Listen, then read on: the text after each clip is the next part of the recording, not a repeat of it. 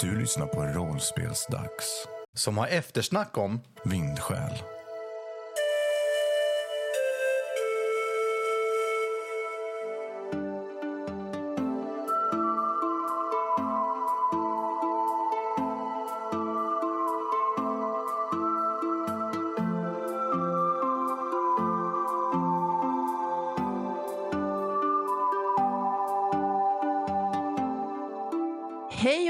Till Rollspelsdags. Vi ska ha ett eftersnack för Vindskäl. Och vilka är med mig? Här är jag, Micke är här. Och jag, Jesaja.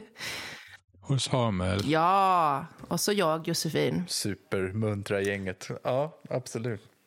Vi är här. Vi har ju spelat Vindskäl.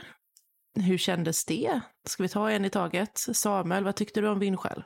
Det var precis vad jag ville ha det till att vara. Alltså, jag har ju älskat vindskäl sedan första gången jag hörde talas om det. Och det infriade alla löften det gav mig. Gud vad härligt. Det levde upp till förväntningarna helt enkelt. Verkligen. Jesaja då? Vad känner du? Jag tycker också det levde upp till förväntningarna. Det är ju ett helt fantastiskt spel. Och Micke, spelledaren. Hur kände du? Det var kul. Det var väldigt roligt. Jag tycker att jag fick göra en bra spelledarinsats med någonting som inte var mutant och ändå var en kampanj. Jag tycker att jag fick sticka ut och visa att jag kan vara spelledare för något annat än mutant. Och vi har ju fått ganska många som vill att vi ska fortsätta med Vindskäl-kampanjen också. Efter att ha fått väldigt, väldigt mycket feedback på det här, ja, den här kampanjen. Och varit överväldigande mycket positiva saker som folk har skrivit. Så det känns väldigt roligt. Ja, det har vi verkligen fått. Vi har ju fått mycket feedback och det har varit som du säger mycket med att eh, vad kul att ni testar lite så här annorlunda fantasy, inte det vanliga. Eh, folk gillar att vi kör lite sådana här udda grejer som de kallar det. Jag vet inte hur udda vindskäl är men ja, att vi inte bara kör en helt vanlig klassisk fantasy. Men det måste det väl ändå få sägas vara udda. Ja, det känns ändå rätt stort. Eller ja, jag kanske tänker, jag tänker retoriskt fel. Kanske är väl att eh, Definiera stort. Ja, det är ju inte som eh, Drakar och Demoner och D&D och sån fantasy. Men det känns ändå som att det har slagit igenom rätt mycket, det här spelet. Eller umgås vi bara med människor som tycker om vindskäl? Det kanske är så också. Jag är väl eh, lite blind för världen kanske. Men eh, vi har ju fått lite frågor. Och en av dem är ju att det är, är om det här just att det här är ju en annorlunda typ av fantasy. Var det svårt att hitta och fånga känslan av världen? Gjorde ni något spe speciellt för att komma i stämning? Nej, det var inte svårt. Alltså, det är ju en annorlunda värld jämfört med traditionell high fantasy, men det var ju inte som att man inte kände igen sig i den på ganska många platser. Jag gillar ju Avatar, den sista luftbändaren, och det är ju väldigt mycket som är likt där, till exempel. Jag tycker inte heller det var särskilt svårt. Jag har ju ganska stort intresse för sydamerikanska kulturer och eh, där har jag hämtat inspiration när jag tänkt vindskäl. Och i det intresset så var det ganska lätt tycker jag att hitta vad vindskäl är för mig. Mm. Du då Jossan? Jag tittar inte på Avatar. Jag tycker väl om olika kulturer, men jag är inte så insatt i det. Så, så jag visste nog inte riktigt först vad jag ville ha för känsla, eller vad stämningen skulle vara. Men, låter jag väl jättefjäskig, men med hjälp av dig Micke som spelledare, och även när jag fick höra introlåten första gången, Ja, just det. då fastnade Då fattade jag hur jag skulle komma in i rätt stämning. För den låten, om jag får säga det själv, är typ den bästa introt jag någonsin hört. Jag blir gråtfärdig varje gång jag hör den. Den ger en sån underbar, melankolisk och glad saga-känsla på något vis. Ja, den är verkligen perfekt stämd för vindskäl. Ja, den passar verkligen bra. Och jag gillar ju inte fantasy i vanliga fall, alltså klassisk fantasy. Jag tycker det är jättetråkigt att spela. Ja. Förlåt mig allihopa. Men det här var faktiskt kul fantasy att spela. Det var ju någon film också som kom ganska nyligen som jag kollade på strax innan vi drog igång för att få dra inspiration. Heter den Ja, det var något tecknat va? Raja och den sista draken kanske? Ja, den Disney-filmen eller vad det är för något va? Ja, det är något sånt. En Pixar-grej va? Ja. Något sånt. Ja. Ja, Jag kommer inte ihåg vem det är som gjort den, men den var också jätte så här vindskälig känsla. Men jag tror mycket av att det är enkelt att komma in i världen är för att det känns som att Lukas som har skrivit spelet har gjort en så himla gedigen värld. Han har verkligen Mm. tänkt igenom så många aspekter av den. Mm. Mm. Och det gjorde ju, alltså enda anledningen till att jag hade så lätt att hitta in i Loro 5 var ju för att jag bestämde mig för att han skulle vara en taeg. Och jag förstod direkt hur taeger var genom att bara läsa i boken. Jag håller med dig. Det är väldigt bra jobbat för att lyckas få en att fatta grejen på någonting helt nytt. När han har lyckats med Mm. det. Verkligen.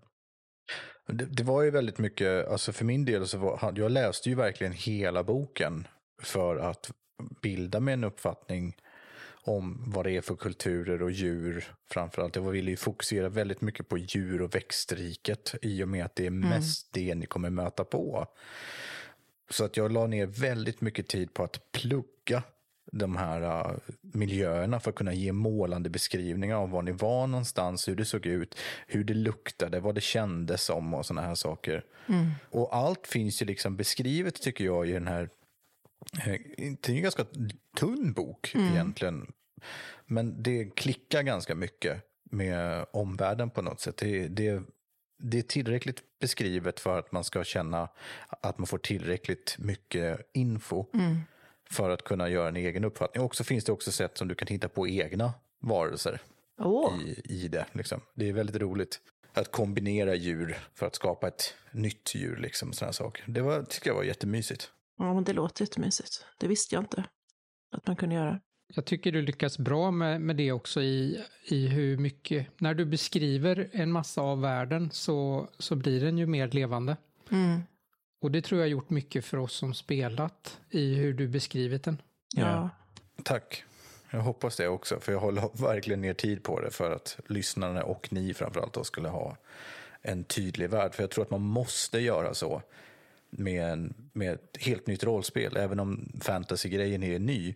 Eller även om fantasy-grejen i sig inte är ny, så är ju den här världen ny för oss och som lyssnare. Liksom. Så det var verkligen att vi var tvungna att lära oss tillsammans från första början. Jo, men du, du kunde ju måla upp en eh, scen att nu står ni i en djungel och ni hör lite djur i bakgrunden, det lyser lite från några plantor. Och det var liksom, Mm. som spelare var det att man kände nästan att det var lite fuktigt och det luktade lite blött om gräset. Alltså det var Mm. väldigt, ja men det var bra beskrivet, väldigt målande och så. Tack. Hur mycket pratade ni ihop er om era karaktärer innan sittning noll? Typ inget alls.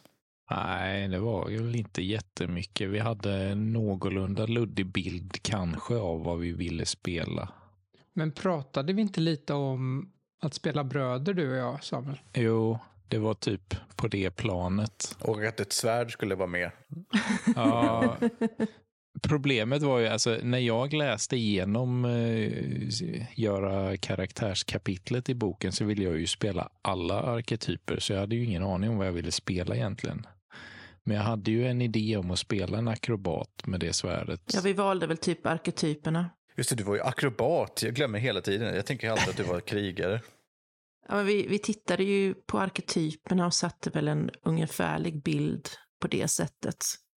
Eh, Ja. Jag hade inte tänkt igenom min karaktär ordentligt innan sittning noll. Jag, fast jag hade ju några lösa idéer. Ja, men vi pratade väl lite om det för att vi inte skulle dra åt samma håll. Ja, precis. Så att eh, vi var säkra på att vi, våra idéer drog åt olika håll. Det var väl typ det vi gjorde. Mm. Sen tycker jag att själva folieringen som var inbyggt i att skapa bandet och gruppen var väldigt bra. För jag tror att det balanserade ut er ganska mycket som grupp. Att ni hade era olikheter och eh, era egenheter och fick sticka ut på grund av att ni var på de sätten som ni var. Mm. Och det är ett skitsmart sätt att få en grupp att bli lite tight och Ja. personlig på samma gång. Ja, verkligen. Jag har inte varit med om att göra karaktärer som man kan... Där det är meningen att man som en grupp i helhet ska funka och inte funka på olika sätt med varandra på olika steg. Nej, precis. Jag tycker att det var bra. Inledningsvis så gillade inte jag folieringen faktiskt. Jag tyckte att det ställde till att vi blev för osams hela tiden. Men eh, efterhand som vi spelat så tror jag att jag förstått hur bra det är och att det funkat bättre och bättre. Men i början så, så blev det lite, jag tyckte det var svårt att spela med de olikheterna. Det är lite så relationer är i verkligheten också. Ibland tänker jag att man har ju sina olikheter och det är inte för alltid det funkar i början men efterhand så lär man sig ta nytta av det istället. Mm. Man blev ju lite intvingad i att hitta en roll och att hitta en väg för sin karaktär med vad som ville. Mm. Ja, det kritiken jag kan tycka är att folieringen ligger ganska tidigt i karaktärsskapandet. Vilket innebär att, ja men hur är din karaktär? Jag är inte riktigt säker, jag är inte riktigt klar med vad, vad, vad, är, vad vi är någonstans och vad jag har för någonting. För det kanske kommer först lite senare. Men i det naturliga steget som man ska göra så är det verkligen så att man ska börja sätta karaktärsdrag på en karaktär som man kanske fortfarande håller på att forma i huvudet. Liksom. Och det är lite svårt. Det var väl för Mm. att det är väldigt viktigt med bandet i Vindskäl. Egentligen, Ja, mer än vad vi precis. spelade ut. Det går först. Och jag kan ju också tycka att, jag tycker ju att konflikterna inom gruppen, det är ju det som jag tycker är roligt. Ni får Ja. jättegärna bråka sinsemellan så länge ni inte liksom bara bråkar med varandra och så händer ingenting. Det tycker liksom ingen är jätteroligt att lyssna på i långa loppet tror jag. Men att, att tjabba i min, inom gruppen, det tyckte jag var det som gjorde att eran grupp kändes verklig och bra på många sätt. Liksom. Vi skapade dynamik. Exakt. Ja, men det gjorde det verkligen.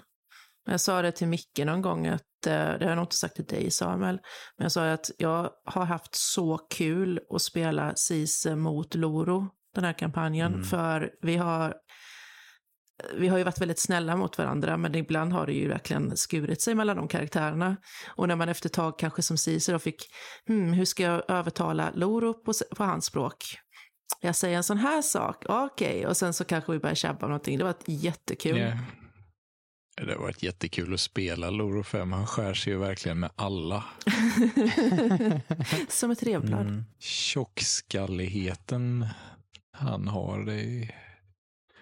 Ja, Mm. Det tog några... Det är en väldigt, väldigt bra karaktär du gjort Samuel. Jag, jag gillar verkligen hur speciell Loro 5 varit. tog ett tag att knäcka igenom det här jävla huvudet alltså. ja, verkligen. Det ska bli intressant att se hur det ska utspela sig om vi liksom gör säsong två. Vilket vi förhoppningsvis Ja. ska göra i framtiden. Ja, då kommer jag nog behöva byta ut lite sådana där folierande drag. Ja, jag tänker att man kanske får ha en session 1 eller 2 eller vad man ska säga om session 0 är 0. 0.2. Precis, att man liksom vad är det som har hänt? Har det gått en liten tid? Vad har hänt i gruppen? I så fall kanske vi behöver diskutera det för att se vad... Alltså karaktärerna har fått nya värderingar, ser på saker på olika sätt nu liksom.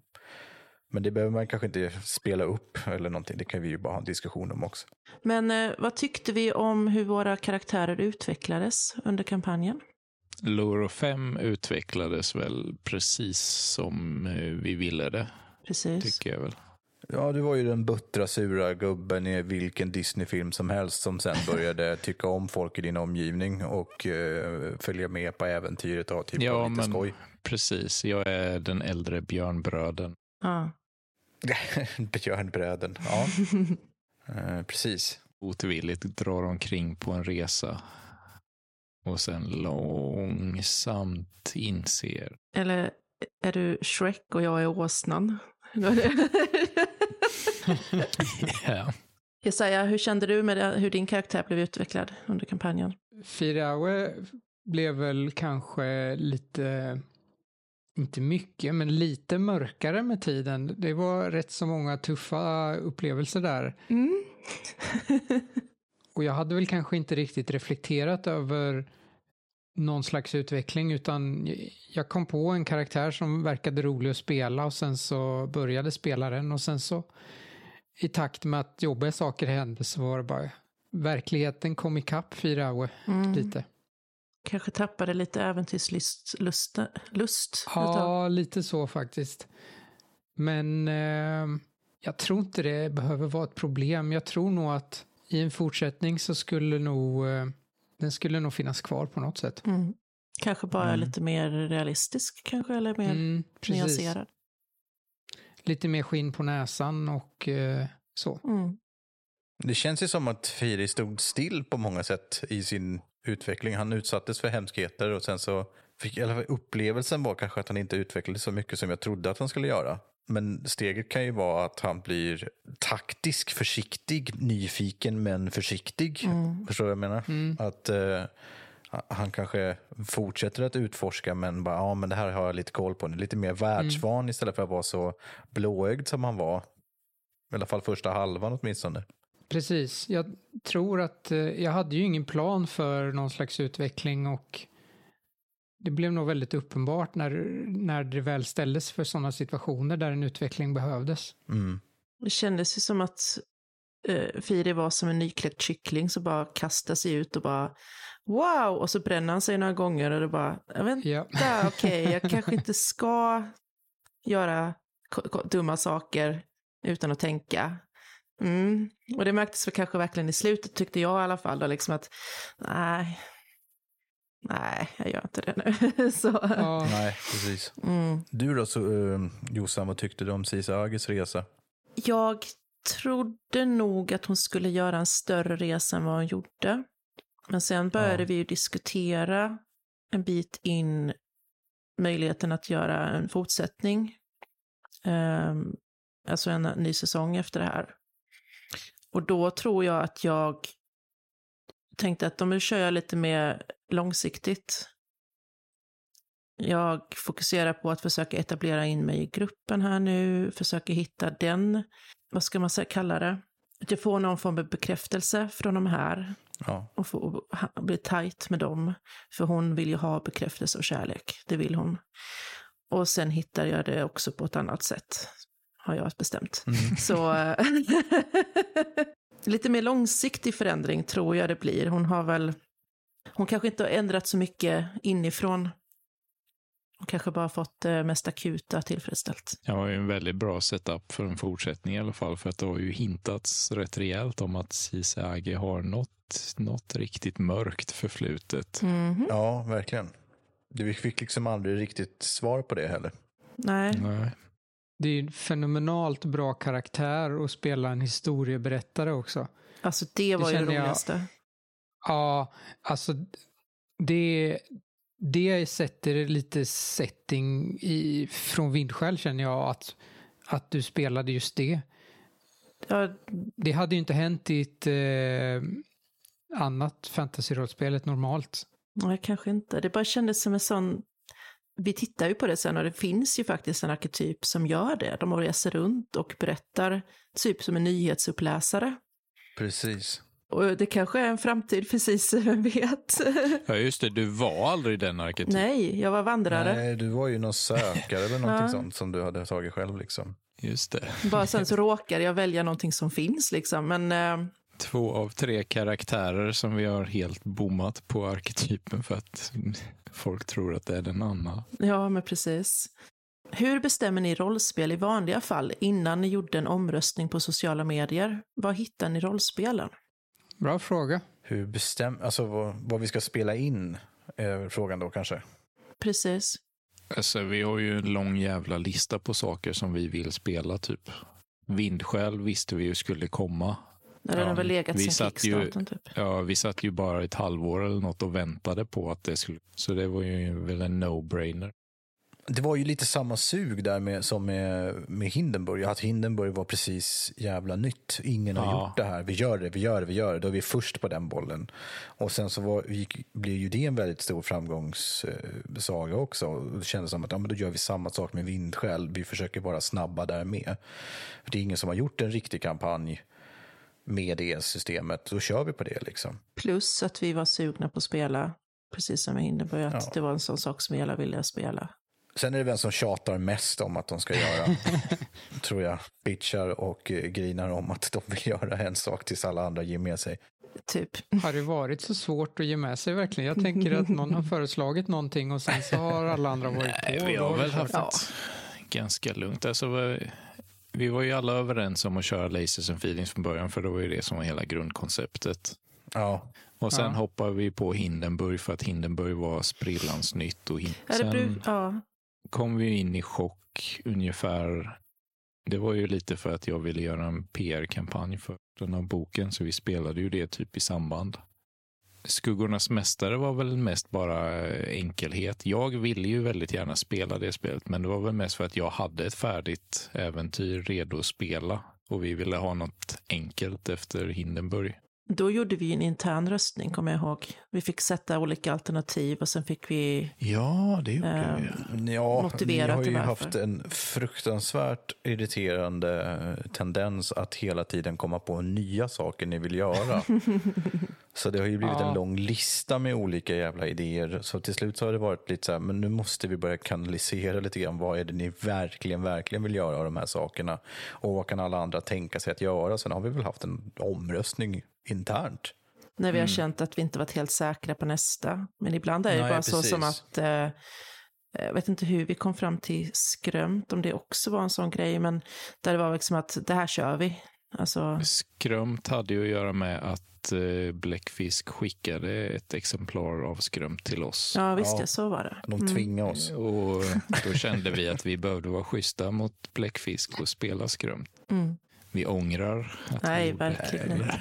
Jag Nej, men det, det var faktiskt att vi hade lovat att göra det och att vi skulle Ja. göra det inom en viss framtid. Och så hade Men vi det ju... var typ 50-50 om det var jag eller Samuel som skulle vara spelledare. Ja, precis. Ja, du hade ju ett koncept som du ville ha igenom. Jag tror att eh, den största anledningen till att eh, det var Jaja som blev spelledare var ju för att det var precis efter Skuggornas mästare och jag redan Ja, hade varit spelledare. Nej, men så att det korta svaret på det är väl att eh, vi hittar en massa rollspel som vi tycker verkar spännande av olika anledningar och vill köra och sen eh, nappar vi på det på olika sätt. Det som verkar roligast. Och försöker rotera vem som är spelledare också så det inte blir två långa kampanjer med samma person för det behöver avlastning efter ett tag och så. Ja, det är tungt. Tillbaka lite till Vindskäl här, det var en liten avstickare. Var det något uppenbart som spelarna missade?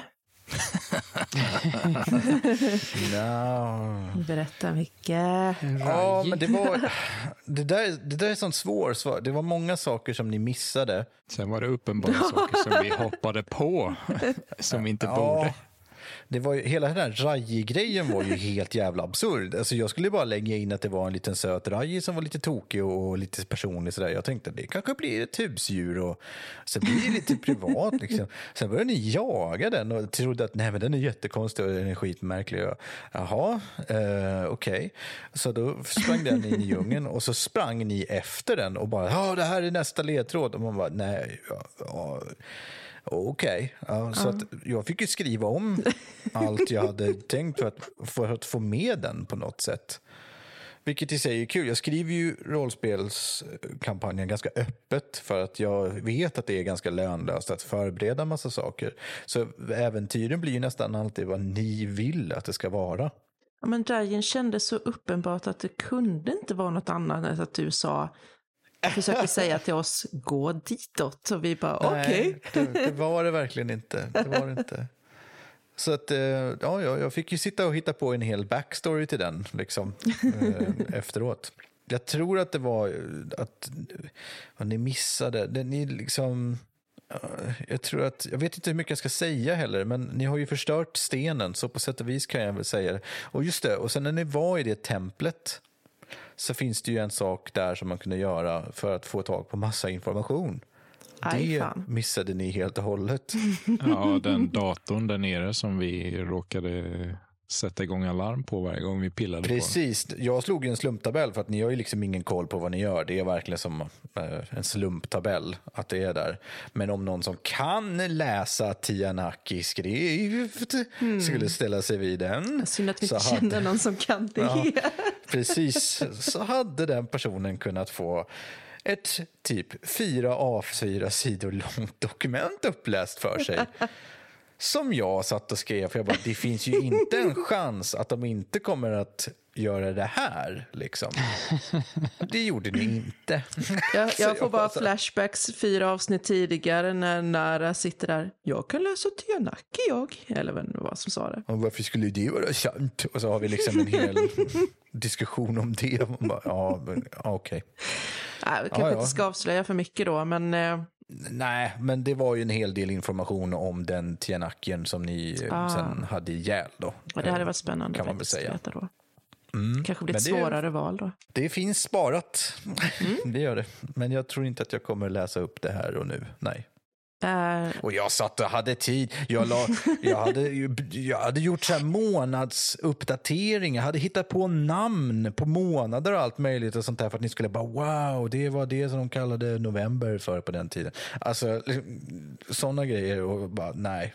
vi Nej, hade, nej, de gick aldrig till den här grejen. vi, det uppenbara vi missade var all tid du la ner på detaljer, Micke. Och så bara bajsade vi på det. Ja, det är som vanligt. Men eh, det, det, var nog det som jag kände var det mest frustrerande. Men jag, jag ville ju inte pusha in det. Bara, oh, så hittar ni en lapp på marken där det råkar stå alltså, allt det här i alla fall. För att jag har ju skrivit det och jag vill ändå få in det. Ja. Då, då var det ju så. Det var bara att acceptera att det blev inte en del av storyn. Och så är det. Så är det. Ja, precis. Det är ju lite både charmen och förbannelsen med rollspel. Ja, det Exakt. känner väl du igen, Som att skriva ett helt, eh, en hel stad i en fiktiv Ja. värld och så går man bara till två ställen. Det, Eller hur? Halva äventyret spelade vi när vi spelade Skrum. ja. Det kommer en säsong två. Nej, det De kommer fan säkert upptäcka hela stan dagen efter. Så nej. Det blev ingen dag efter. inte för någon. Men SL, Micke, Ja. är du nöjd med hur sorgen blev bemött av oss som spelare? Uh, oh ja, jag tyckte det var väldigt, väldigt bra. Eh, ni hade så olika reaktioner på sorgen, men alla var rädda för den. Eh, jag gillade att Samuel uppenbarligen var rädd. Eller, så, jag gillade att Loro 5 uppenbarligen var rädd för den, men var ändå så här, vi måste springa igenom den. Och då hade det hänt grejer. Eh, Det hade helt klart, eh, det hade ni märkt av också. Och det är också en sån grej, det har ni också missat. Men eh, det, det får ni reda på i nästa säsong kanske. Men det var spännande. Vadå, så vi hade kunnat springa in i sorgen? Ja, och det kan jag nog säga. Det, det står faktiskt i boken också, och flera av er har ju den. Tiden flyter inte på i samma hastighet inne i sorgen. Okej. Alltså, Så det hade kunnat få intressanta konsekvenser, tänkte jag. Jag är ändå rätt glad att vi inte sprang in i sorgen. Det kändes som att det är ingen människa, ingen som är frisk hade Nej. väl gjort det frivilligt. Det är ju tokfarligt, så jag var verkligen, gör de det, då kommer jag döda av en eller två av dem för att visa att det här är ingen bra idé. Liksom. Eh, Och så hade storyn fått bli det. För det var verkligen, det här är inte bara vanlig sorgen grej, utan jag har ju lagt på alla växlar på att det här är tokfarligt nu, det är någonting som är fel. Liksom. Så att, eh, ja, hela den backstoryn med hur sorgen kom till och sånt där, det var ju det som ni missade att läsa i dokument. Ha, Så att, får bli eh, Patreon-material längre fram. sen. Precis. Men det är du som hittat på den storyn om hur det kommer till alltså? Både ja och nej. Eh, jag satt faktiskt i 45 minuter med Lukas och eh, sa jag har tänkt det här och det här och det här. Hur ligger det egentligen till? Och han sa det är skitbra. Det är nästan exakt så som jag har skrivit och tänkt. Och jag bara okej, då kör jag på det här. så att eh, vi hade eh, en riktig heart to heart en liten stund där och det vart skitbra faktiskt. Så att när jag sa att ja, men jag tänker att det funkar så här och jag tänkte att det funkar på det här viset och att det skulle liksom, vad, är den utlösande faktorn och vad är den, vad är den, eh, ja, vad ska man säga, den, den, den som löser alltihop liksom. Hur kan man stoppa det och hur kan man misslyckas liksom. Och det tyckte han var jättebra. Och då ville jag inte säga för mycket heller för han ville ju lyssna också. Ja, precis. Inte spoila allting för honom. Nej, exakt. Men jag tror att era val gjorde att det nog vart intressant att lyssna på ändå. Han, har ju, han gav ju oss väldigt, väldigt mycket kärlek för den kampanjen när vi träffade honom på Gothcon. Ja, verkligen. Han sa att det är, som att det är som att se ens barn leka med en leksak man har byggt. Det är en fantastisk känsla, så att det Var var, ju det- trevligt. Var det inte med att man uppfostrar ett barn och släpper ut i världen och så ser man liksom... Ja, jag vet inte. Någonting med barn, att Ja. vi var hans barn eller någonting. Va? Är vi Lukas barn nu? Ja, eller, eller är Loro, Firi och Sis Lukas Och barn? det är helt sant. Det finns dessutom inspelat från Gothcon så att eh, det är bara att ta, det är hans ord. det är inte som vi sitter och ljuger nu bara Det för är att bara att lyssna på poppis. Mindys panel med Lukas Falk så berättar han det. Mm. Mm. Cool. Men eh, vi kanske inte ska spoila det då, men vem var i stenen? Utan 4 av 4. Ja, det, det, det, det var liksom... Det var en eh, Tianaki-forskare Mhm. som var väldigt dedikerad till att lösa hela sorgeproblemet. Det kan man väl säga. Ja, okej. Namn och sånt, det har jag inte kommit på. Det var så orelevant, så jag var så, Mm. nej, det kommer aldrig komma fram. Liksom. Hmm. Och det svarade lite på nästa fråga då, vad var grejen med själen i stenen? Där kan man avslöja det och så. Ja, det kan man. Och som sagt, det har vi ju pratat om. Det går att ta reda på. Mm. Och hade ni hanterat saken på olika sätt så ja, då hade ni löst det. Men en av de absolut sista sakerna ni gjorde, det var att ni tog stenen på Sisages lilla pinne och lyfte upp den så att den kunde se att sorgen var helt om, hade omringat er helt och hållet och att ni stod vid eh, hens tempel då. Och då hade den ingen lust att komma ut längre. Den ville hem då. Så då försökte ju ni koppla in er med den igen, precis som Firi gjorde. Då var det ju lugnt, men nu hade ni sett att det här var inte bra. Det har, det har hänt eh, igen. Så då ville den inte komma ut. så det var, det, andra, det var hela anledningen till att det inte gick att koppla ihop sig med. Jag kommer ihåg när vi står där och bara vänder den mot sorgen och vänder den mot templet bara för att se hur den reagerar. Bara, Gör något. sorgen, ledsen, templet, glad. Okej. Japp. Och det finns ju anledningar till att den är där också. Liksom. Så att Ja. det var roligt. ja, det var faktiskt jättekul. Det var väldigt roligt. Ni gjorde allting fel. så att, eh, Ja, det kändes lite så faktiskt. ja. Det som kunde gå fel och det, det vi kunde välja fel, det lyckades vi verkligen att välja fel också. Ja, ja, det var ju intressant och rätt bra ändå tycker jag. Mm. Och än är det ju inte över om man säger så. nej. Ni har köpt lite tid i, mitt, eh, i min värld har ni köpt lite tid. Vi kan fortsätta göra fel i säsong två. Det tror jag. Och En räknar sak- kallt med. En sak jag som jag lärt bildad. mig är väl ändå att, jag inte, att vi inte kan lyssna på Loro 5s idéer utan vi måste typ argumen- argumentera Va? bort. Ja. Loro 5 har bara bra idéer. Mm. Det känns som att kanske är det Loro 5 som får följa med mer nästa gång. Istället för att alla andra följer med Loro 5. För att han bestämmer liksom. För att det ska bli en ny balans. Mm. Men eh, ja, det ska bli intressant att se. Vilken SLP, alltså spelledarperson, gillade ni mest? Jesaja, vill du börja? Togo tycker jag är en del av gruppen. Det känns nästan enkelt att, att nämna. Mm. Togo var med i hela kampanjen liksom. Ja. Ja, Några enstaka avsnitt som, ja. som han inte var med. Men annars var det liksom en del av gruppen. Ja, det var ett avsnitt han satt i en buske hela tiden. Vi borde nästan diskutera hur Togos eh, karaktärsutveckling eh, var också, inte bara våra egna. Ja, det var faktiskt en bra karaktärsutveckling tycker jag. Ja, Ja, det, det är mycket story bakom Togo. Eh, och det blev bara mer och mer eftersom jag var tvungen att skriva in honom mer och mer. För det var inte tanken att han skulle vara med så jävla mycket som han var. Men varför blir han, kom han med så mycket då? för att han, han var tänkt som en katalysator för att saker skulle hända och att det skulle liksom bli lite spännande. Att det skulle bli lite konversation och intrig. Det är nämligen en fråga som Ty har ställt här efter, så jag tänkte om vi kommer in på den frågan lite så, um, så kan vi ta den på en gång. Var det vårt fel att han var med mycket? Jag försöker tänka tillbaka nu. Jag vet inte, det kändes lite som att vi gav honom chansen och sen gjorde han bort sig och så gav vi honom en chans till och sen... Eh, Men jag kommer inte ihåg vad som hände i IVA, varför han följde med oss. Förutom att han gömde sig i en buske. Nej, ni frågade aldrig om det. Varför han gömde sig i busken. nej, nej, det var... Det var underförstått att Togo inte var populär i byn han bodde i. Och att han inte var därifrån också. Varken han eller hans bror inom citationstecken Ero Just- eh, var, ju, var ju det. Eh, Så hela bakgrunden var ju att ni stötte på Togo när han hade varit och stulit ett föremål från den här, ni kommer ihåg att er introduktion började med att ni hade gått in i ett folkslag. Jag kommer inte ihåg vad Mm. gruppen hette. Och så hade ni avbrutit ett bröllop eller nå- något sånt där. Jag kommer inte ihåg. Ja. Men det var er bakgrundshistoria. Och där var Togo också. Han stal ett föremål från det bröllopet.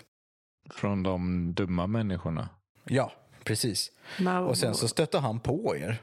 Och eh, då hade han ju gömt det här föremålet i, frukt, eh, i fruktvagnen. Så han var ju jättestressad över att ni skulle hitta den här Tianaki-artefakten som det var då. Då jobbade jag åt nära Bardo så då hade han fått i uppdrag att han skulle hitta saker och då hade han hittat den. Mm. Och sen så lämnade han ju in den till Ero när han kom tillbaka till byn. Och så ville han bara komma därifrån igen. Och sen så störtade ni ner en hel by i hela byn. Eller nej, en hel, ett helt slott eller ett tempel ner i byn. Och så vart de jättearga på er. Men då går ju eh, Firiave runt med en uppenbar Tianaki-artefakt på huvudet hela tiden Visst, ja. som lyser och blingar och allt möjligt. Och sånt där. Som jag var så här, ja visst, den gör ju någonting. Men framförallt så syns det att det är en Tianaki-artefakt. Och den är ju Togo intresserad av. Så att eh, Togo börjar följa efter er för att han vill följa med för att stjäla den här hatten. Det är liksom det som, eller diademet eh, som det var. Eh, Det var den, den största anledningen till att han ville följa med. Sen ville han inte vara kvar. Av, eh, för att byn, de i byn tyckte inte om honom. Men han tänkte att det här är jättebra. Då blir jag jättepoppis hos Narabardo när jag har skaffat de här föremålen. Och sen så, utan att ni märkte det då, så såg ju Ero det här föremålet också och följde efter. Och det var sen efter det, alla de här andra sakerna som hände, när vi då liksom bara, nej men vi tycker om det ändå. Vi får en chans till. Jag tyckte det var roligt att ni...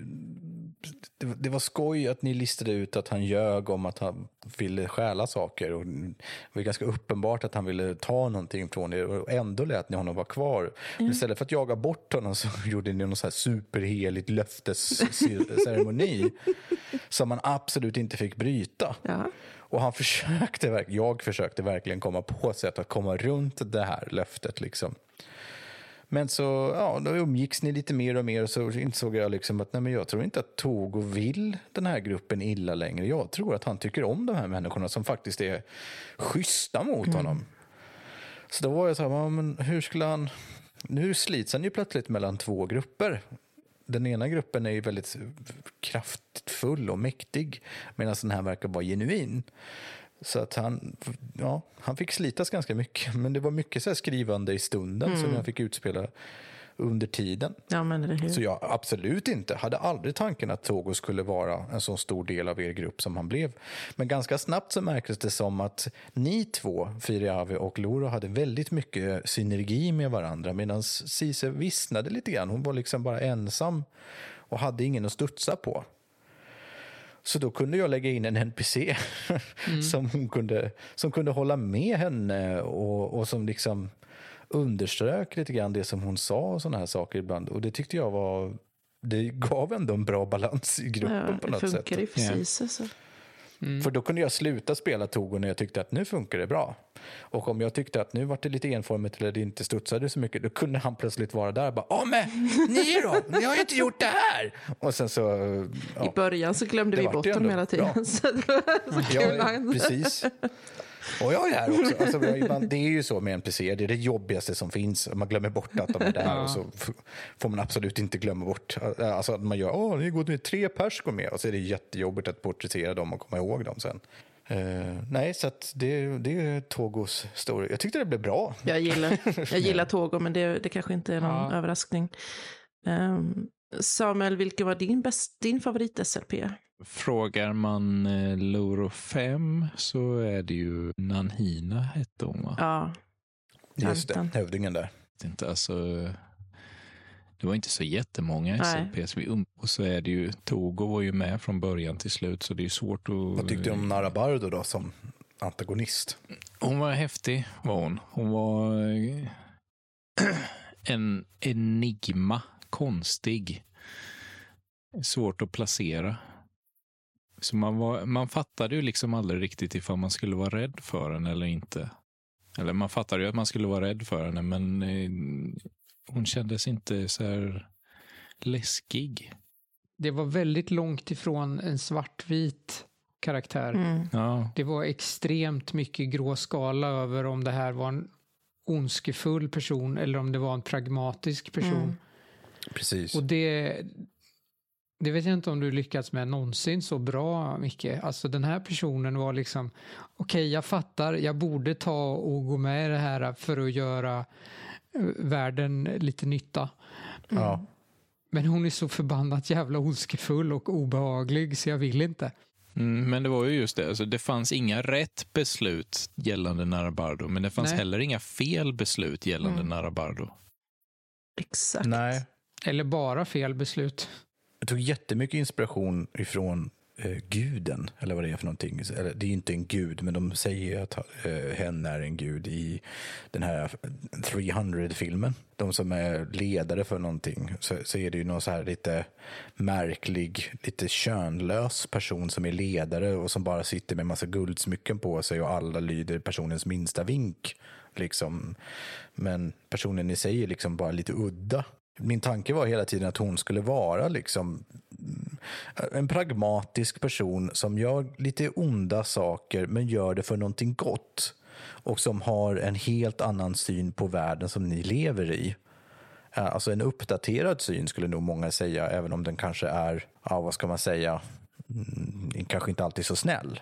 Men Nara Bardo var väldigt rolig att göra för jag var tvungen att spela ut henne som en verklig människa hela tiden. Jag tror att när hon förlorade kraft och inflytande och såna här saker så märktes det att hon blev mer och mer mänsklig. Alltså lite Ja, men rädd. det gjorde det. Ta, förlorade kraft men fortfarande hade en pondus som förväntade sig liksom respekt runt omkring sig.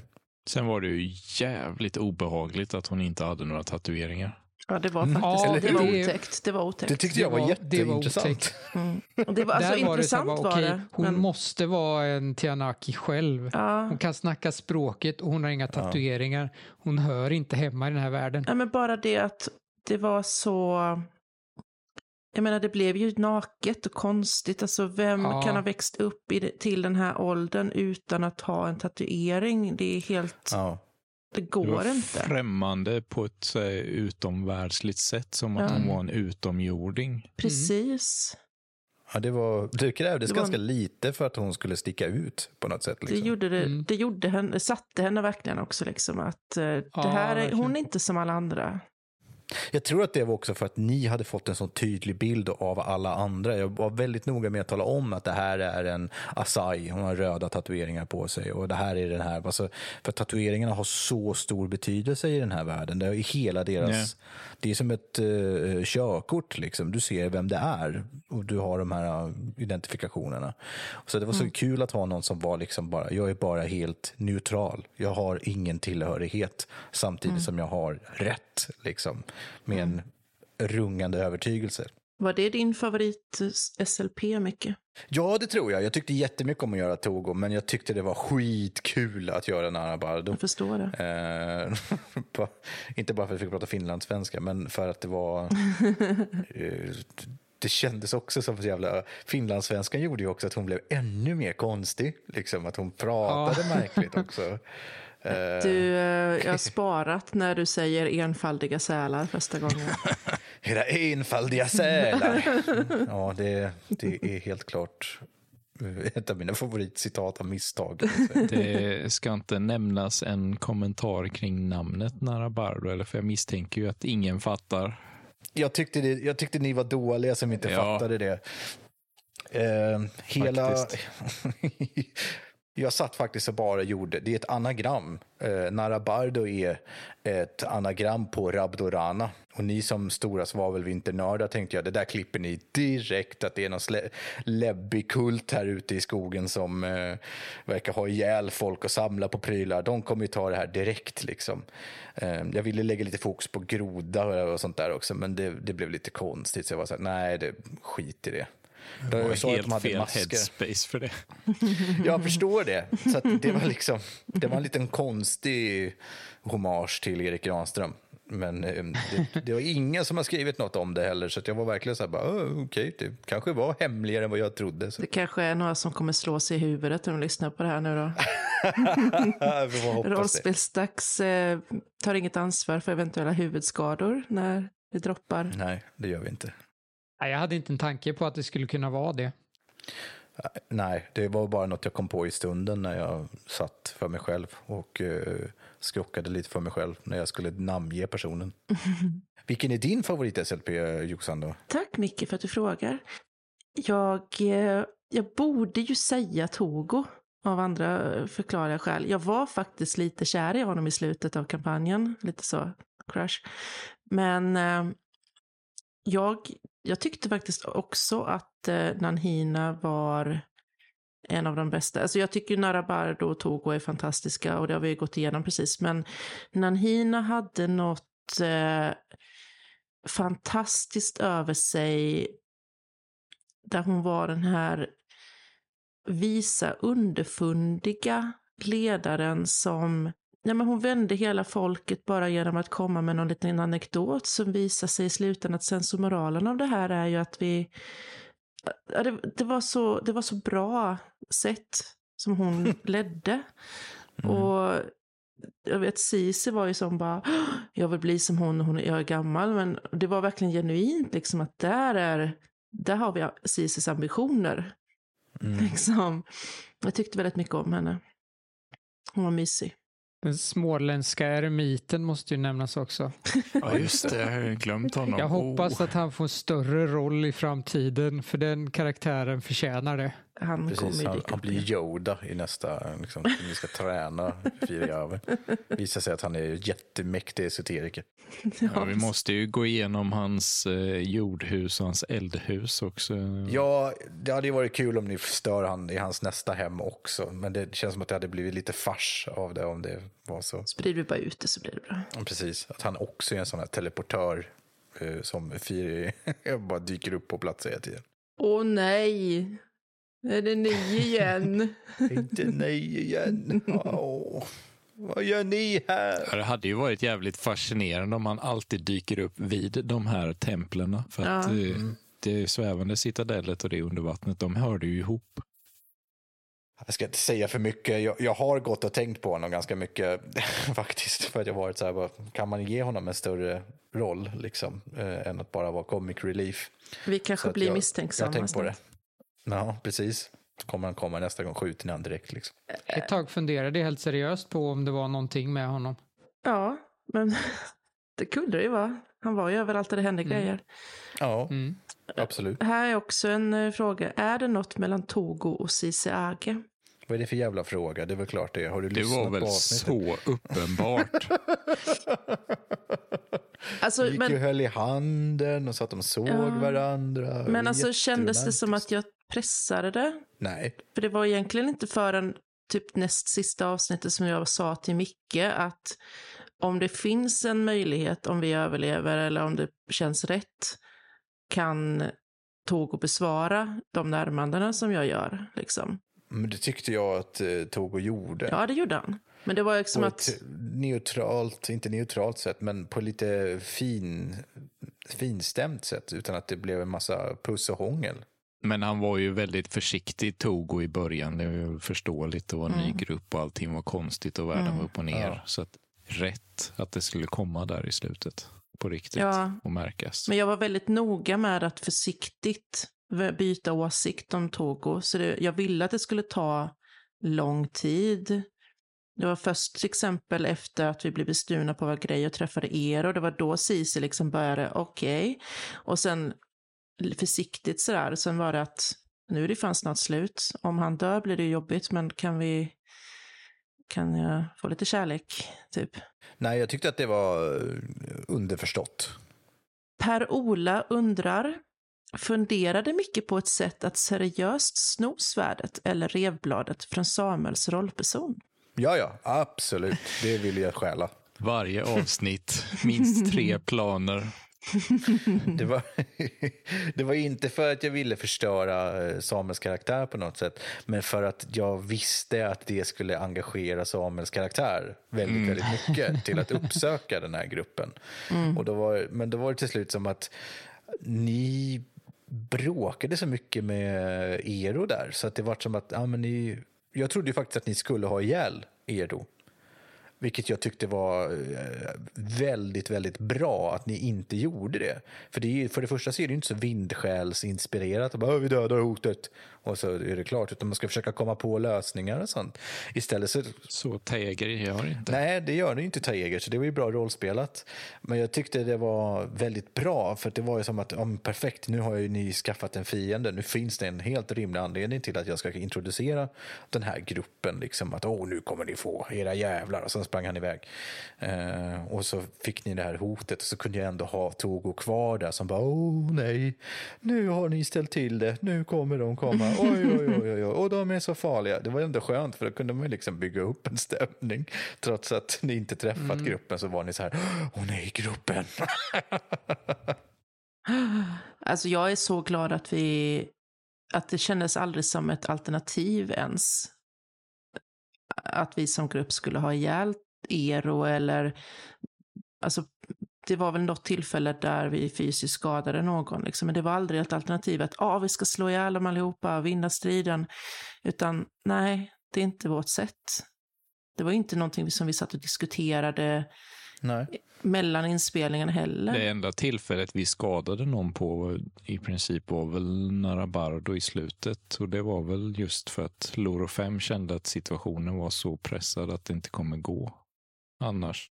Precis, men ja. då var vi ju i ett hörn liksom. Men annars är det ju inte bara stenen som vi... Och det var ju jättejobbigt tyckte jag, min karaktär, att oj, det här är ändå att ta, ta en själ. Liksom. En, en, en, ganska upprörd stendö Kinto skulle nog säga också att den hade ni ihjäl. Men, eh, men de räknas inte. Nej. nej, nej, okej, okay, då så.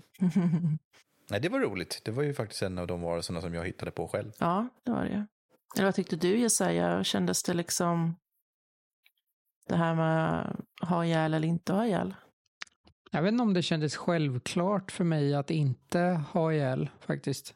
Jag minns att eh, jag fick någon idé om hur vi kunde bli av med hotet från Narabardo. Ja, visst ja. Men, men när vi hade den diskussionen så var det ju så här för er var det ju självklart och då var det så bara, just det, ja det gör man ju inte det här spelet. Så det var ingenting jag tog vidare eller något sånt, utan det var mer en, ja. en insikt om att jag, jag fick en kul idé som inte passade världen riktigt. Samuel och jag satt ju bara, nej, så kan man inte göra. Men vi spelade väl ut det tror jag. Att vi ja, liksom, ja. nej, ja. Jag vet inte, jag läste inte igenom de andra kulturerna så mycket så jag har inte lika bra koll på dem eh, jämfört. Eh, men är det någon av kulturerna som liksom kan tänka sig att skada andra människor? För att i, hos taegerna så står det ju specifikt, taeger skadar bara andra människor i absolut nödvärn. Ja, och så poängen är väl ändå liksom att inget av folken ska ju vara sådär jättestridslystna. Sen står det väl beskrivet att det finns hövdingar som är krigiska, det finns grupper, man kan hitta på egna som är väldigt hårda och, och mordiska och sånt där. Men överlag så beskrivs ju Agvions folk som väldigt fridfulla och att eh, man kan besegra någon utan att nödvändigtvis ha ihjäl dem. Du kan ju se till att de förlorar en hand eh, i en strid och då har du vunnit ändå. Eh, så jag tror att det är det som är fokus. Sen så är det här med varelser och djur och sånt, det ska man ju typ i, ja, det kan man ju jaga och slåss mot sådana här saker. Men det, det känns som en annan femma. Liksom. Mm. Ja. Men det kändes ju inte riktigt som att uh, varken vi som grupp eller världen i stort är en plats där man bara går runt och hugger ner folk hur som helst. Nej, vi var ju förfärade av att tåg och stal, liksom. Det var ju... Vilken skurk. Precis. Det var ju ett jättestort brott alltså, för er. Det, det tyckte jag var jätteroligt att ni tog så illa vid er. Så får man absolut inte göra, för ni är hyggligt folk, även om ni är vindsjälar. Liksom. Och får jag bara tillägga, apropå det du sa Samuel. Jo, jag märker att du inte läste de andra eh, kulturerna så himla bra. För att du är på bärsa på mitt folk hela kampanjen om att de var lata, oansvariga och inte arbetade hårt. Och det är exakt de sakerna de gör. De är jätteansvariga och anstränger sig och grejer. De är fan bättre än Taeger, så att du ska bara be om ursäkt. Till Ludo 5s försvar så är han inte så världsvan och har inte så bra koll på Nej. jag vet, jag, så jag, Det blev ah. väldigt konstigt med, för du var väldigt tidigt inne på att du ville spela Taeg. Ja. Och det passar ju inte min karaktär alls. Vi är ju väldigt, väldigt olika. ja. Eh, Men vi var ju tvungna att vara från samma kultur. Eftersom Ja. vi var bröder. Eh, Så jag kände mig verkligen inte som en Taeg någonstans. Nej, men det behöver man ju inte Eh, vara. Firavi var verkligen riktigt svart får bland Jo, Taeger. men jag tycker att det funkade jättebra för att det, det blev att uh, Firiavi blev den här intvingade kulturella grejen. Att han, eh, Mm. han gjorde saker av tradition för att man ska göra det, inte för att han själv ville göra det. Loro 5 ville ju göra det. Precis, han vet hur man ber, han vet hur man gör de här ritualerna och allting. Men tonårsrevolterare vill göra något helt annat. Det kändes bara helt naturligt. Ja. Och även om det står att man tillhör ett folkslag, det betyder ju inte att du måste vara på det viset, utan det är ju så här, så här är ditt folk. Det här förväntas av folk i din omgivning när du är här och där. Här, är- alltså, de här Mogwari till exempel, de är ju mycket mer frisläppta när det kommer till relationer. Där är ju lite så här, alla bor i ett kollektiv och ligger med alla. Det är typ den enda eh, kulturen där de gör det. Alla andra är så ganska tydliga med att det är familjen som är viktig och man gifter sig och gör de här sakerna. Mogwari är lite så här hippies som bara glider runt och käkar djungelgodis och tar det lugnt. Liksom. Ja. ja, men... Eh, Är jag rasist nu? I den här faktiven. Det är ju så de är beskrivna. de bara ligger runt och äter godis hela tiden. som om jag, som jag just beskrev en riktig ras. Hej och välkommen till Rasistpodden. Rasistdags. Rasistdags. Eh, Vi går vidare innan Micke förolämpar fler kulturer. Ja, förlåt. Hur upp, eh, Tobias undrar, hur upplevde spelarna att agera i en ganska okänd värld med esoteri och mystisk magiteknik som nya inslag? Mycket här har vi ju redan diskuterat, men Mm. eh, det är ju jättespännande just hela utforskningsbiten och att det finns en högteknologi som ligger gömd eh, här. Eh, Loro 5 tyckte ju inte alls att det var spännande, men jag tyckte att det var skitspännande att springa runt och Verkligen. eh, leta och försöka föreställa sig hur man liksom går in i de här utomjordsliknande Mm.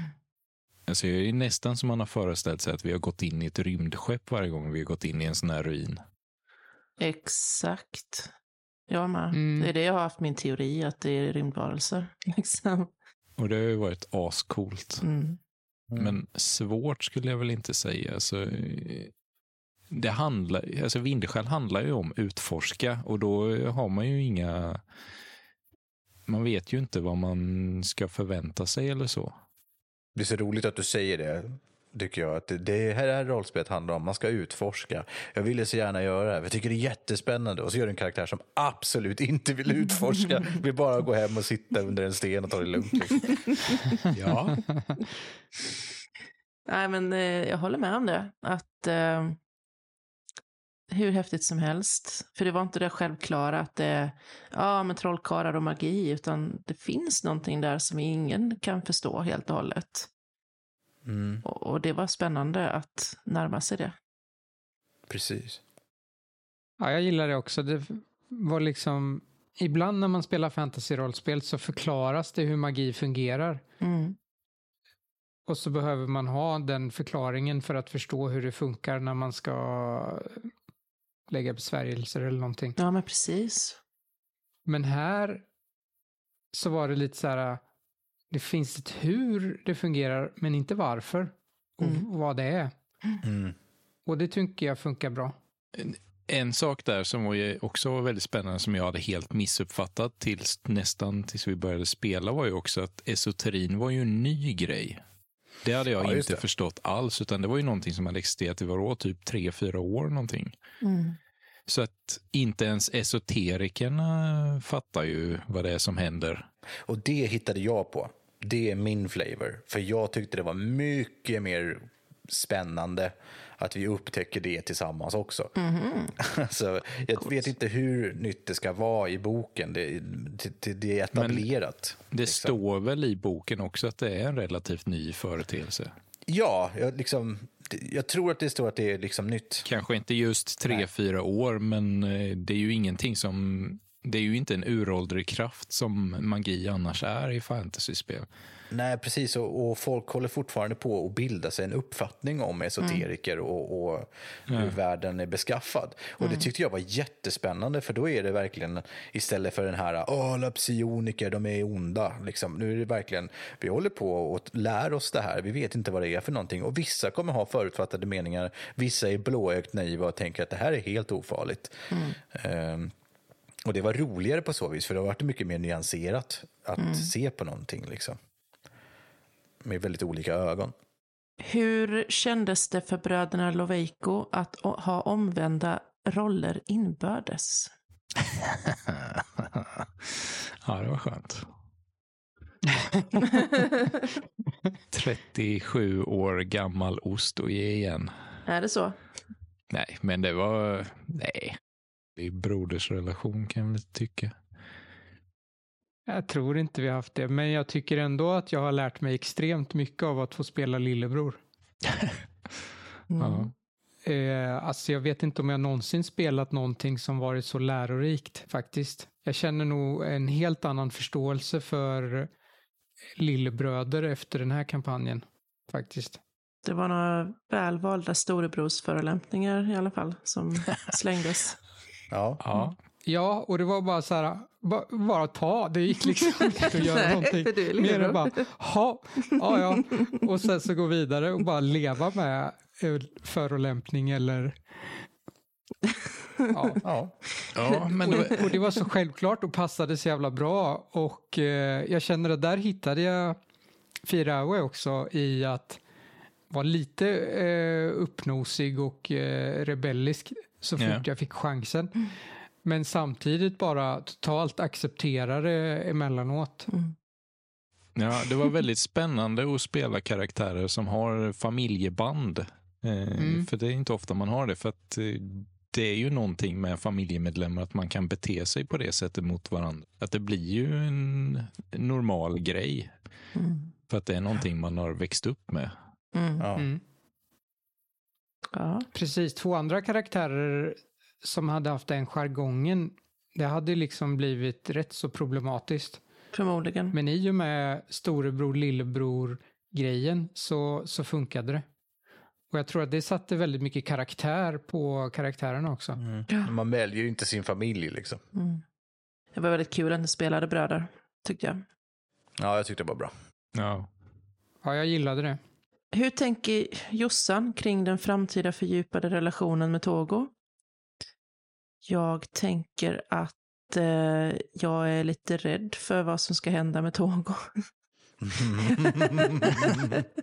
Jag adopterar aldrig en NPC för då kommer det hända någonting. Så Ja. eh, jag lämnar det till det. Mm, Jag är lite rädd. Ja. Japp. Hur utmanande var det för Micke att använda finlandssvenska som dialekt? Det var inte särskilt svårt. Jag tränade ganska länge på att prata finlandssvenska Jag har och gjort det många gånger. Sen kan det vara så att det kränker ett helt land med att jag gör fel. Men det är en sån där dialekt som alla kan. Jag, Varför är det så? Tala för dig själv. jag vet inte. Det är, också, alltså det är ju en av få dialekter som jag skulle kunna klara av typ hyfsat felfritt. Mitt problem är ju att om jag en gång börjar så kan jag inte sluta. Frågan är om vi verkligen skulle klara av det felfritt. Om man frågar någon från en finlandssvensk. Nej, kanske Ja, inte. det är där jag säger att jag, jag tror inte att vi är felfri finlandssvenska, men den är ju ändå liksom av oss svenskar direkt accepterad på något sätt. Att man bara, ja, de pratar så. Och, att- och så är det bara så. Jag, jag lyssnade en del och pratade, eller, pratade inte, men jag lyssnade på en del finlandssvenska innan också och haft den här diskussionen varav det här ljudet inte riktigt finns utan de genar och kör, S-ljud istället. Och därför vart ju hela den här eh, Sälar.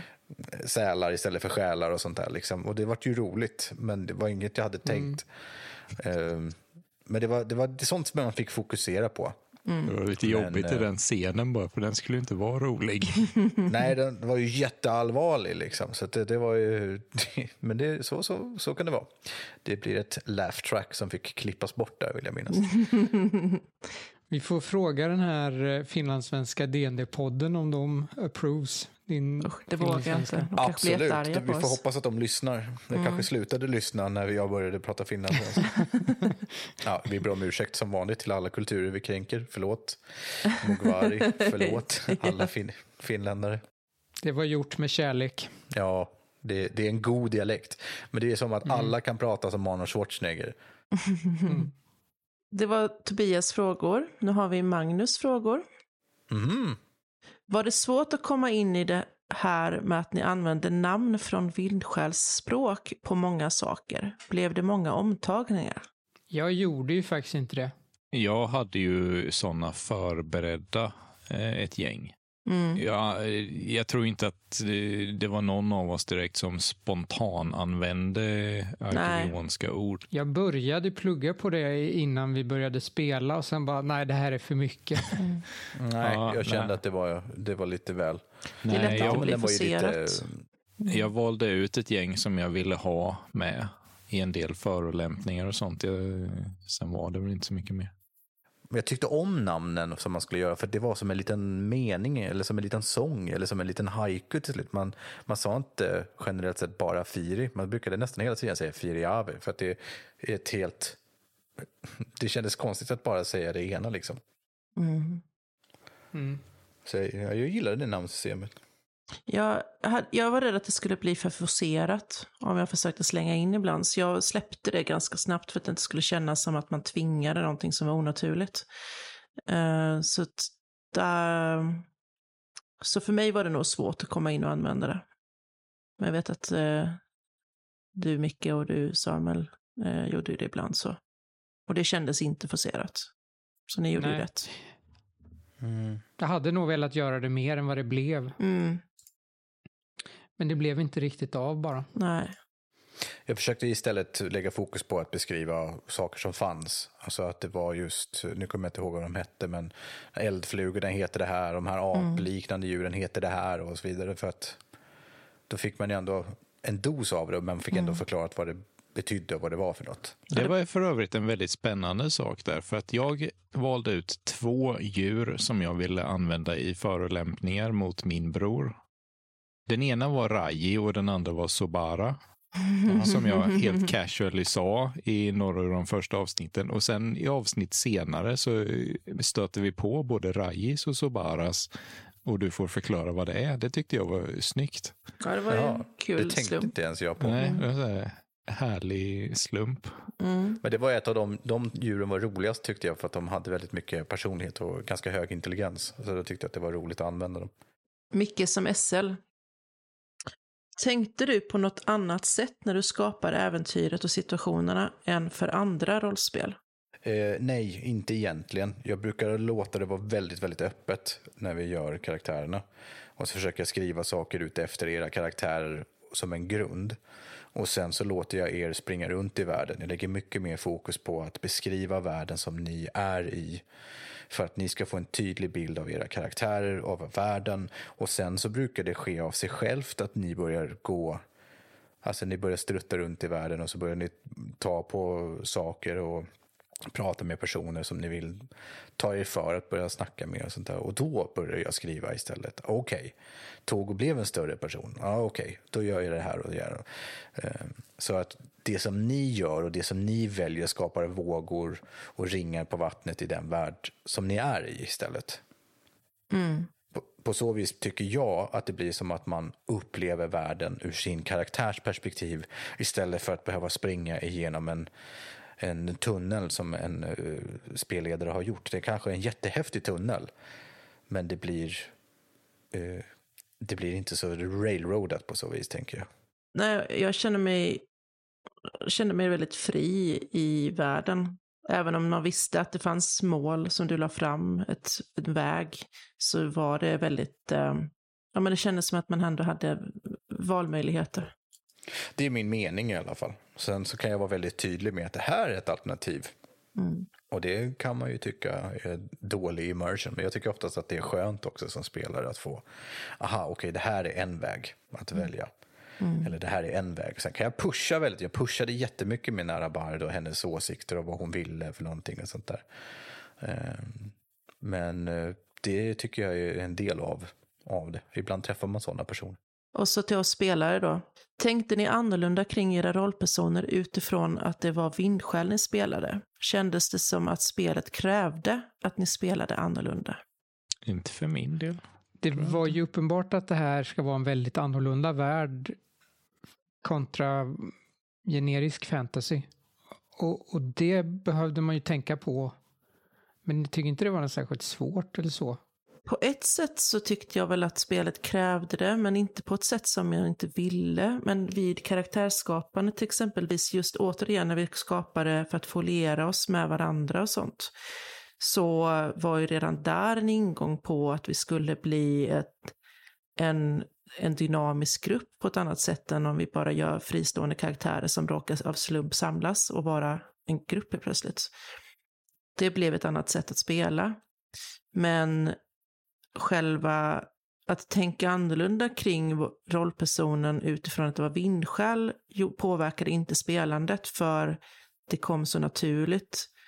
Och verkligen naturligt kändes det att stå inför moraliska val och tankar och vad som är rätt och fel. Det bara, jag tyckte det var jättenaturligt att bara komma in i det sättet att nej men så kan man ju inte tänka och resonera och frågasätta saker som händer utifrån de här agvionernas sätt att tänka.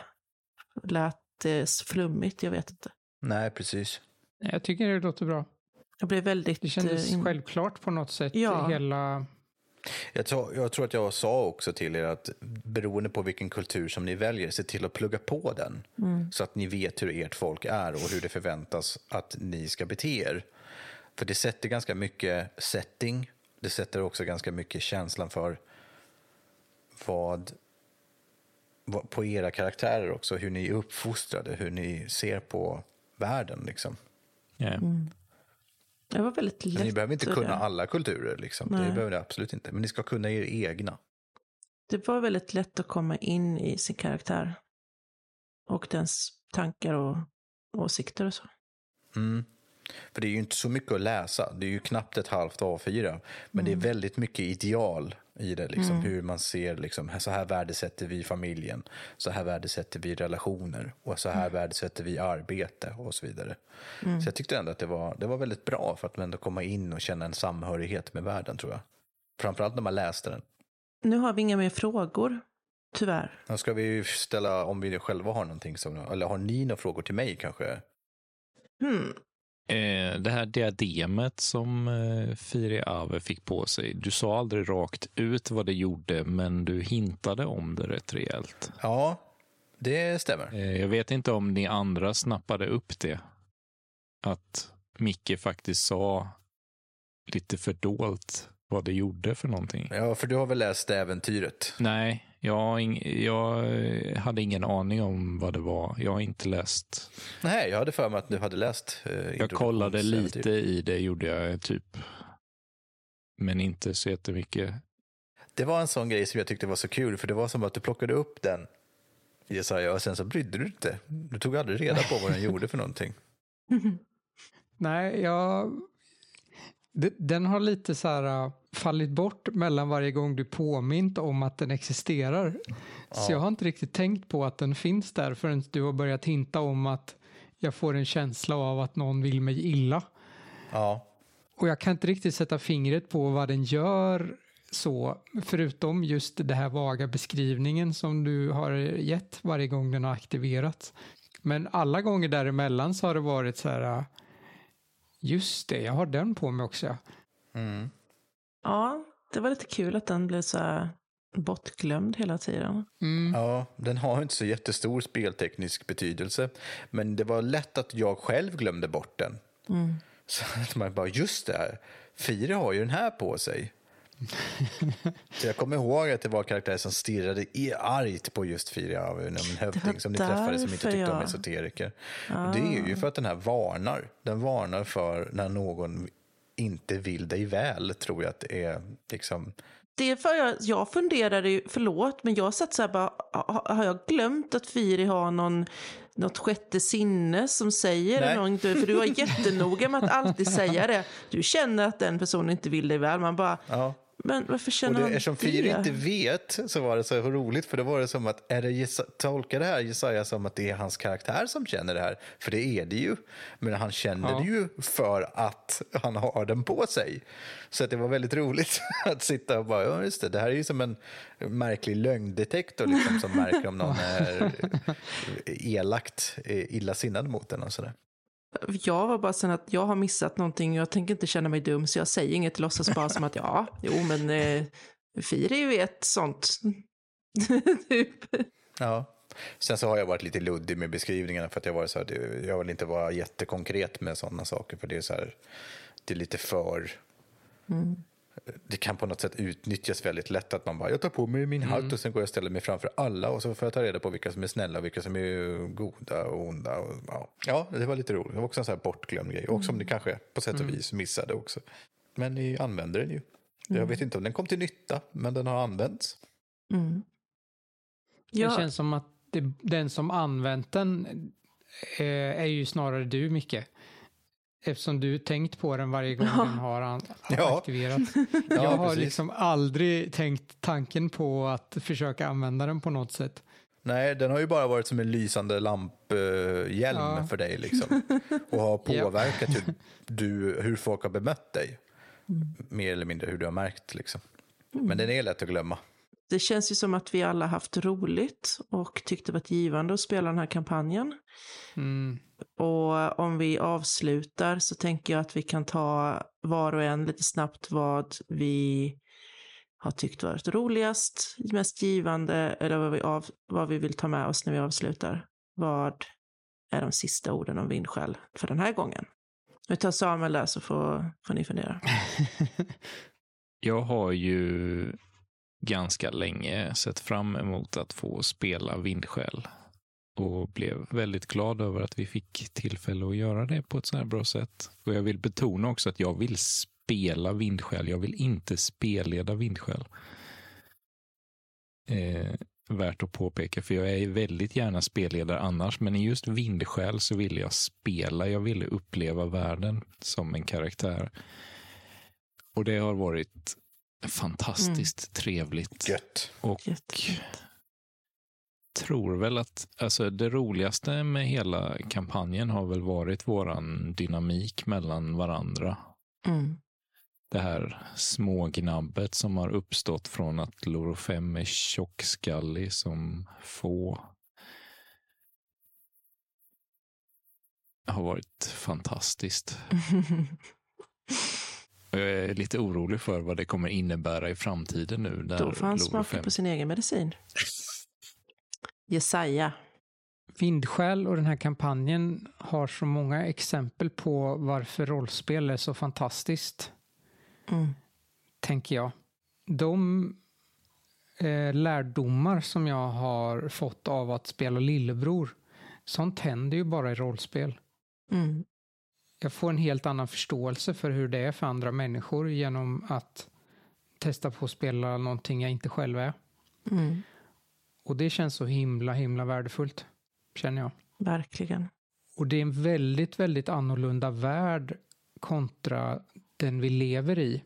Det har varit extremt befriande att få spela i en, en ljus fantasyvärld. Mm. För det brukar i regel inte vara så. Inte på samma sätt i alla fall. Och jag gillar verkligen att få det. För det finns någonting i vindskäl som är det människor längtar efter eh, i, i sin vardag Ja. eh, tror jag. Det finns, det finns någon slags ljusare värld som går att få uppleva lite grann när man spelar vindskäl. Och jag tror att den upplevelsen är lite vad folk längtar efter och eh, därför tror jag det är värdefullt att få spela i en sån värld. Jättefint. Ja, kanske. Jättefint. Jag håller med er helt och hållet, båda två. Jag känner att jag har fått eh, inspiration av att spela. Jag har, jag har skrattat, jag har gråtit, det hörs inte, men det var en scen där jag grät faktiskt. Och jag har nog aldrig varit så skeptisk och ändrat mig så brutalt mycket i ett rollspel. För som jag nämnde innan, jag är inte intresserad av fantasy. Och det fick jag ju äta upp, typ avsnitt ett, när jag insåg att här vill jag vara kvar. Jag vill tillbaka till den här världen igen och igen och igen. Och jag vill utforska det här. Och jag har fortfarande ett problem att tänka på buskar. Säger bara det liksom. Det är, det är fortfarande en, en sak som är kvar. Men eh, jag är väldigt tacksam för, för att vi gjorde detta. Micke och ni andra. Det Mm. var helt fantastiskt. Det var fint sagt. Mm. Och Micke, vad tar du med dig? Vindskäl är nog det som jag tyckte varit roligast att eh, göra på ganska länge. Jag ser fram emot att kunna fortsätta med den här kampanjen jättemycket. Jag tycker det är jätteroligt att höra att ni vill fortsätta med den också. För det ger ju ett bra betyg, eh, tänker jag, till mig som spelledare om inte annat, om jag ska låta lite narcissistisk. Mm. Men eh, ja, saker har bara börjat Mm. kan jag säga. Jag går ofta och tänker på fortsättningen och de saker som ni har missat. Hur det kommer ha påverka framtiden. Ja, tack så jättemycket Micke och tack ni andra. Det har varit jätteroligt. Tack själv, Mm, det har varit tack. toppen. Ja, tack så jättemycket. Och tack till er som har lyssnat och skickat in feedback och alltid är peppade och engagerade när vi ställer våra nödfrågor och ber om feedback efter kampanjer och under. Absolut. Och tack till Lukas Falk som har skapat ett helt fantastiskt, nyskapande, inspirerande rollspel. Stort tack för det. Är vi klara?